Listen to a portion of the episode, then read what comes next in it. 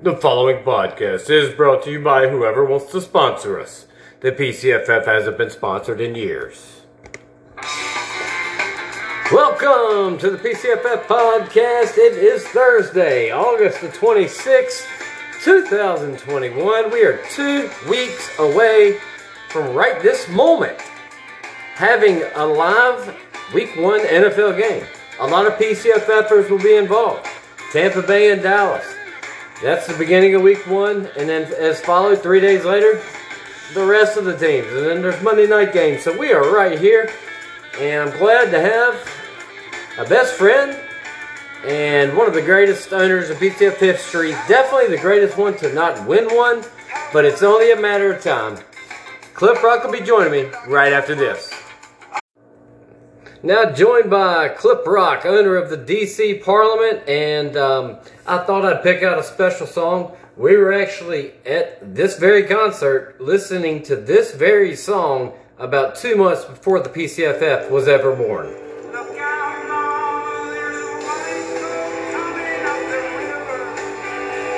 I don't think he and I ever heard the song.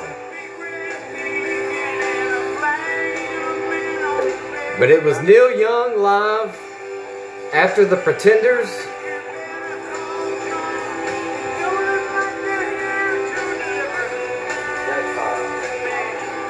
But a great song. It was a great show despite the fact I think Clip he, he really only played one or two songs we actually knew at the time. But Hurricane was another good one that I don't think I was familiar with. Clip, how's it going? It is going fantastic. I've enjoyed your podcast. Uh, glad to be a part of it. All right. Yeah, Clip, you know, unfortunately, my audio on my computer is a bit low. So uh, when we go into, you know, Q&A, you know, it, just yell at me if you have to. But will speak up. All right. Okay. All right. The DC Parliament. Um, I don't know if you heard Tuesday's podcast. Uh, Brother Matthew, co-commissioner, Tennessee owner, and I discussed you possibly having the greatest wide receiver corps in, in PCFF history, which is saying a lot. Um, he also mentioned the fact you know that may weaken the running back stable, but at the same time, it's it's a position that, that drops like flies, as did that day when uh, you know Travis Etienne went down, season-ending injury, and opportunity knocks and, and stuff like that. How do you feel overall about your team going into uh, week one, just now two weeks from tonight? I, I, love my draft, and it was not, just to kind of tell you some background, I was here, I don't know, I just forget, I know I did, how good Saquon Barkley was his rookie year, and I was all prepared to take Barkley and to believe that he was healthy and Daniel Jones would be a competent quarterback and he would have a monster year.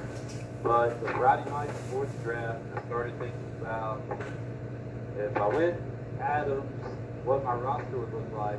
And earlier in that week, uh, Matt was talking about trading up in round two, which would allow me to have, I didn't have a third round pick. And he said, and, and then on draft day, I found out I could get back to the third round and and maybe get some running backs that way. Um, so I decided to go Adams round one. AJ Brown kind of came out of nowhere. I just kind of got a feeling like McLaurin, Metcalf, Adams. Hell, let's add one more and get another stud and AJ Brown. So originally my plan was to go running back, running back, which I would, you know, would have made sense with two receivers, but I went a little nuts, and I'm kind of glad I, I came out the way I did. Yeah, I mean AJ Brown is a, is a beast, and I don't think the addition of Julio Jones is going to affect him in a, in a negative way at all. I think it actually helps him. Um, but you know, I, I, I kind of was the same way. I went into draft day thinking, okay, uh, running back, running backs where I'm going, bring back uh, a weak uh, receiver for a keeper and, and a weak running back for a keeper. Honestly, in my opinion, I thought I had the worst keepers coming back. But things happened quickly, and um, I went Kelce first, and then and then grabbed uh, Jonathan Taylor, who I was surprised to slip all the way to 13. But obviously, you know, the depth, not the top heaviness of my team, but the depth was what I was uh, looking for. And unfortunately, I've already taken a a pretty nice shot there with uh, what was yeah. to be my fourth or fifth running back. Um, draft day wise, I wasn't there. Uh, you were one of, let's see, five uh, others that were there. What was the atmosphere like? Was Bryson, uh, you know, he fit right in? Was it, you know, tell me a little bit about that. well, I remember Matt saying this during the draft. He said, there's a serious time for this draft. And uh, it, I don't know if I call it serious. We were still crapping all over each other, having fun. It was kind of funny. Bryson uh, had his chair like kind of outside our circle where we would just call junk each other, and then when it was Bryson's pick, he'd get up and make his pick. So like he kind of fit in seamlessly. He just ignored all our BS and went about his business. But it was uh, well, the first draft day. I'd never had a uh, any alcohol, so that was different for me. And uh, it was the you guys talked about this. Uh, credit to you, Taylor, Byron, uh, Gene, and I believe that's it, right? That's correct. There was there. four of us. So, what's that? There was four of us. That's correct. Yeah, being uh, so quick with your outside of John Carton, everybody was uh, really fast with their picks this year. So, uh, no, it, it was the same fun atmosphere. We were missing the people that weren't there, obviously, but uh, look, I, I loved uh, seeing the guys again, and it had all the junk talk. Uh, maybe a little more low key, like Matt said, but it was great. I, I'm hoping one day we can get 10 freaking owners there. I know it's tough, but that would be a lot of fun. That is definitely the hope for 2022. Whether we go and expand to a 12, 12 team league, which is pretty much the standard um, would obviously make that a little bit more difficult. But if we do stick to 10, uh, I don't, you know, hopefully this, this whole pandemic will eventually be a thing that we can look back on and be like, thank goodness it's over. But um, I know Taylor was was ready and willing to go, but when given the option to, to go remote, uh, I thought Taylor did a great job in his draft. I think Domingo Woods actually set up to be a, a contender this year along with pretty much everyone. I mean, it, there's you know with two keepers coming back, and you know those first five, six, seven rounds. I mean, there's talent out there. So it's not like the Jones, you know, keeping up with the Joneses, or you know the however you want to put it. That wasn't a very good example, but you know, it's not like the the the top stay on top because we have five or six yeah. keepers coming back and five of them are you know the top 20 on one team it's not like that at all i mean i think the best returners this year team wise arguably were new york with chubb and with ridley or pittsburgh with kittle and Ekeler. um, I know that Kodiak and, and, Tennessee had quarterbacks to pair with their pair, including Wood. I mean, he has Josh Allen and, and Justin Jefferson coming back prior to the draft. So, I mean, I just think the format we went to years ago was the right step. Um, as far as your week one, your week one matchup, what are you feeling? Uh, first of all, credit to me for suggesting the uh, reboot. Yes, Clip, you were the one that pointed out, despite having arguably, you know, if not the best, at least the second best group of five or six to freshen the draft up a little bit. So yes, uh, Lawson, all that in the past couple years, clip. Appreciate the you know you you you putting that out there for for the league to vote on. But go ahead. Uh, uh, John and I have already started the talk. Uh, so uh, it is sponsored by Head and Shoulders, right? yeah. Uh, look, I'm not gonna claim. I've always claimed that I have a good head of hair. I'm not gonna say something outlandish and say it's as nice as John's, but I think for 39, I still got a pretty good head of hair, so I'm proud of it. But uh, I tried to do a loser has to shave their head mask, but John had no interest in that. Uh, look, the London, they, you got, and I mean, you got to take everybody serious now. Like you said, everybody studied up, had a great draft, but man, London, uh, London's had some good teams over the years. They look good this year, and uh, I'm really excited for it. And I, going back to the draft, like if this is the year all running backs stay healthy, I'm probably screwed. Uh, but if there are the normal injuries, I got a shot, and I am kind of anxious to see what Mike Davis does for the Falcons and what Darrell Henderson does week one for the Rams. Because honestly, I don't know. I drafted them because I assume they're going to be starters week one. Uh, I could find out that day that they are splitting reps with other guys. So as far as week one goes, I got a lot of knowns, and then at running back and tight end, I got some huge unknowns. And uh, as far as quarterback goes, I, I'm just trying to practice what I preach. I've been high on Stafford all off season, so I feel like he's going to have a good year. But it's really a mixed bag for me because I feel great about receiver, good about quarterback, and not great about anything else. Well, that's the beauty of the PCFF. You know, there's there's waiver wires, there's uh, the trade options. Um, a lot can be done, and as long as Stafford is hitting my boy Cooper Kupp up on a regular basis, you know, I wish the best for him. Uh, hey Daniel, Daniel, let's go back to 2012. I picked up Alfred Morris the week before week one, like the, the days leading up to week one, and he was like you know an all-world running back that rookie year. So and you could probably use a thousand examples like that. Yeah, actually, then not to make another Charlie mention, but this was probably 2003 or four when magazines were still kind of a part of fantasy football strategy. Yeah. I misread a quote by Dick Vermeil about Priest Holmes, and I misread it, thinking, "Holy crap, this guy might be the next, you know, Marshall Faulk." And um, turns out it was uh, the opposite. He was saying he's not going to be that type of, of player. And I drafted Priest Holmes, and he went on to have like 22 touchdowns that year. So that was a that was a kind of a a gimme. Um, I do have a question from one owner, Kodiak owner Byron Hager, always talking um, a lot wants to know why you won't trade players with him. Is there any comment on that? Do you want to just say to heck with that? I'm not answering it. I'm, I will trade players with him. I offered. Uh, I mean, if Byron wants to get it all out there, first of all, I probably should do deals with him after he made a trade Byron Brian and I had ready to go and vetoed it for no good reason at all. Uh, Byron, for some reason, thinks I should trade him my first rounder for his first rounder.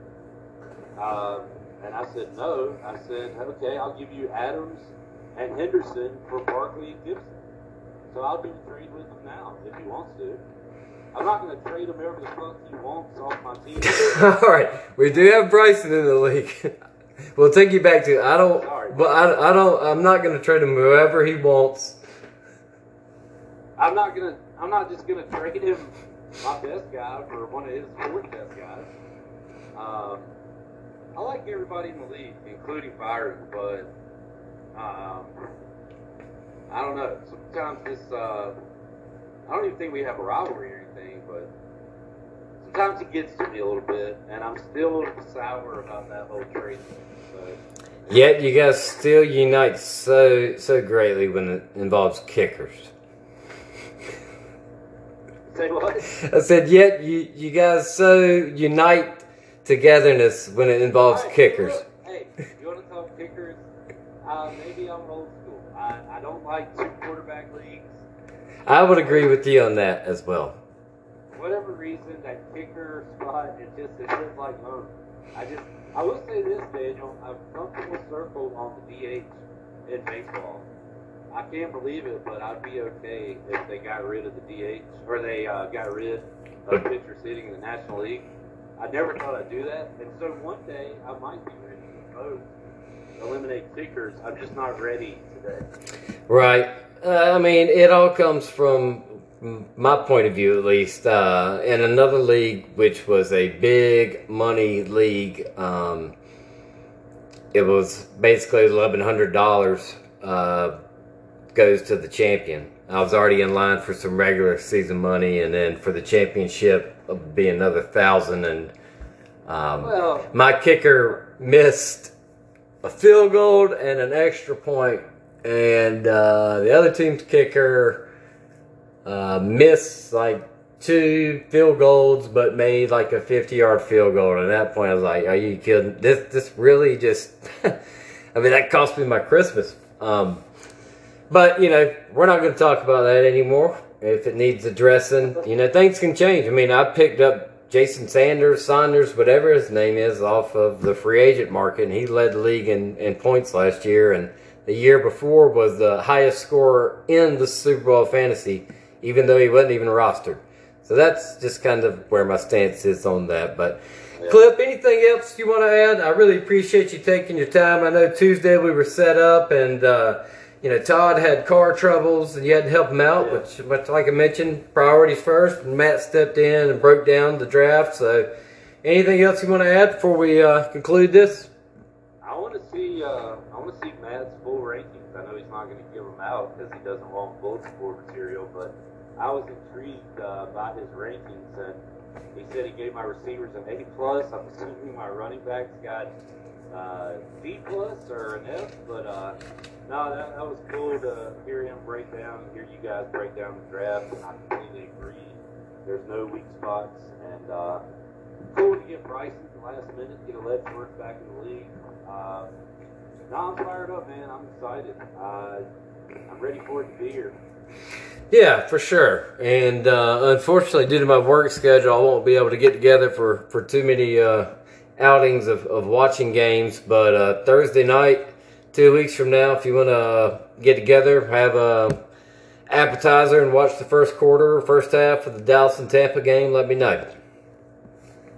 Wait, man, I didn't. Yeah, so ECU is one week from tonight. That means NFL is two weeks from tonight. That's right. That's right. Two weeks from tonight, there's going to be a game going on. And with Dallas and Tampa playing, most of the league will have a player involved. Both those teams are pretty heavy on uh, PCFFers. Clip, I really do appreciate it. I got, I got my breakout guy. I need to say it. I'm, I don't remember who drafted him at this point, or he might even been a keeper. But uh, and and I want you to give me a breakout guy. He's on top of your head. Okay. Uh, my guy this year, I hate to say it, but you brought up the Cowboys, so it reminded me of it. Uh, I got CeeDee Lamb busting out in 2021.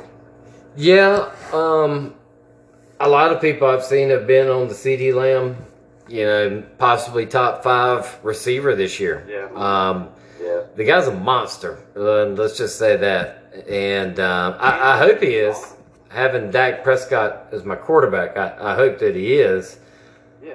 Um, got all those weapons. I'll go a little more deeper, and, I, and I'm just going to stick it with my team.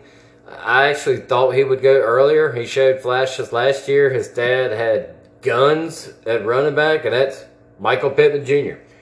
I'm uh, I'm hoping for him to Oh, step in as a as a solid flex option mid-season down the stretch. Uh, I always liked Michael Pittman, and I kind of hated when Sean Taylor spit in his face in the playoff. Sean Taylor was a beast though, so we can't hate on anything he did. Nah, yeah, I like uh, Pittman, especially if they get their quarterback stuff worked out. Yeah, Clip, I appreciate it. Best of luck this year. Let's keep in touch and let's um, let's get together soon. All right. All right, No. County forever. That's what's up. That was Clip Brock, DC owner. Um, definitely one of the heavyweights coming into this season. It's uh, it's been a while since I, uh, I've caught up with clips, so that was that was that was good at least for me. But until next time, we'll probably only go with one pod next week. There's not too many, much more to discuss. The season's two weeks from tonight, and that's when it starts. Until next time, I am Daniel Hager signing off for the PCFF podcast.